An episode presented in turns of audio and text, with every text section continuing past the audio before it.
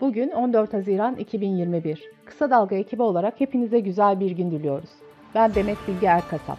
Gündemin önemli gelişmelerinden derleyerek hazırladığımız Kısa Dalga Bülten başlıyor.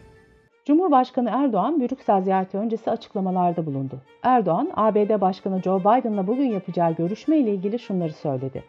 24 Nisan yaklaşımı bizi rahatsız etmiştir, üzmüştür. F-35 konusunda sözleşmeye uymayan bir ABD var. Geçmişte Biden'ı evinde ziyaret etmek suretiyle birçok görüşmemiz oldu. Umarız 24 Nisan'ı unutturacak adımları da atmış oluruz.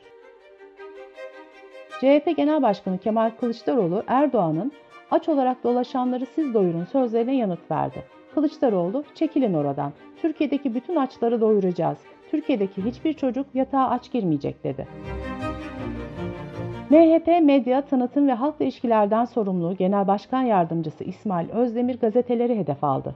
Özdemir, Cumhuriyet Sözcü ve Karar gazetelerinin ülkücü hareketle ilgili sürdürdüğü yayın politikası şartlanmış şapşallığın daniskası diye konuştu. Bir boşanma davasının temiz başvurusunu değerlendiren Yargıtay 2. Hukuk Dairesi, eşi başkalarıyla kıyaslamanın boşanma sebebi olduğuna hükmetti.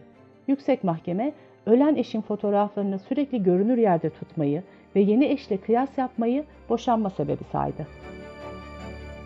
Marmara Denizi'ndeki müsilajın Ege Denizi'ni etkileme riskini değerlendiren TÜBİTAK Başkanı Profesör Doktor Hasan Mandal, Marmara şu an bir göl noktasında davranış gösteriyor. O yüzden risk boyutu yüksek. Buna neden olan gerekçeler Ege Denizi kıyılarında da olduğu sürece aynı risk orada da yaşanabilir uyarısında bulundu.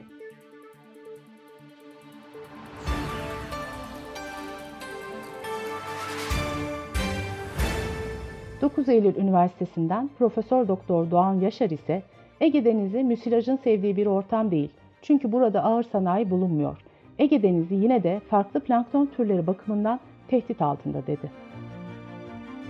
Memur Sen'e bağlı Diyanet Sen'in Çocuk dergisinde idam ve kafa kesme sahnelerinin resmedildiği görsele yer verilmesi tepkilere neden oldu.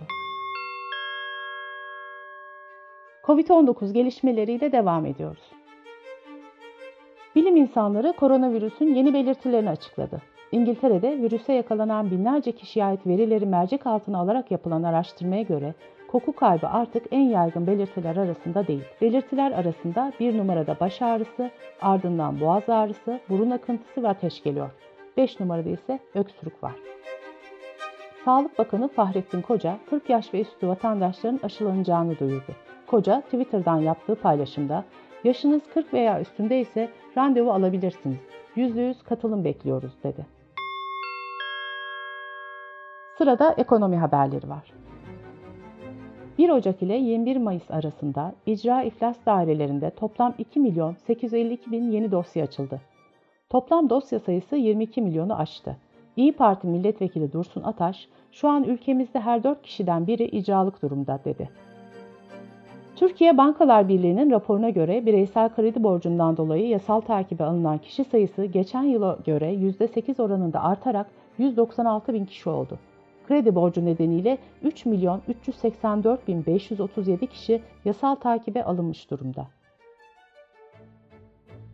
CHP milletvekili Ömer Fethi Gürer, TÜİK ve SGK'nın çalışan sayısında farklı veriler sunduğunu söyledi. Gürer, TÜİK'e göre 29 milyon, SGK'ya göre 21 milyon 500 çalışan var. TÜİK 8 milyona yakın fazladan çalışanı nereden buldu diye sordu. Kale Grubu Başkanı ve İstanbul Sanayi Odası Meclis Başkanı Zeynep Bodur Okyay, esnaf pandemi sürecinde çok etkilendi. Katılıyorum ama sanayicinin durumu da hiç iyi değil. İşimiz zor, dedi. Dış politika ve dünyadan gelişmelerle devam ediyoruz. Milli Savunma Bakanı Hulusi Akar, Libya ziyareti kapsamında Libya Görev Grup Komutanlığı'nı ziyaret etti. Akar, gizli saklı bir şeyimiz yok. Libyalı kardeşlerimizle beraber buradaki faaliyetlerimizi sürdürdük, sürdürmeye devam ediyoruz dedi. Mısır Dışişleri Bakanı Semih Şükri, Mısır'ın Türkiye'den bir takım talep ve beklentileri var. Bu durum Türkiye tarafından dikkate alınırsa mevcut zorlukların üstesinden gelinir diye konuştu. Alman Gazeteciler Birliği barış konferansına katılmak için Erbil'e giden en az 3 gazetecinin gözaltına alındığını açıkladı. Sol partili bir grup da Düsseldorf Havalimanı'nda engellendi. Bültenimizi kısa dalgadan bir öneriyle bitiriyoruz. Gazeteci Timur Soykan Kısa Dalga'da Gerçek Suç Podcast serisine devam ediyor.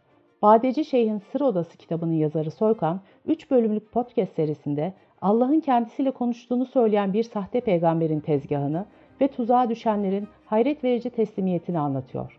Kısa Dalga.net adresimizden dinleyebilirsiniz. Gözünüz kulağınız bizde olsun. Kısa Dalga Medya.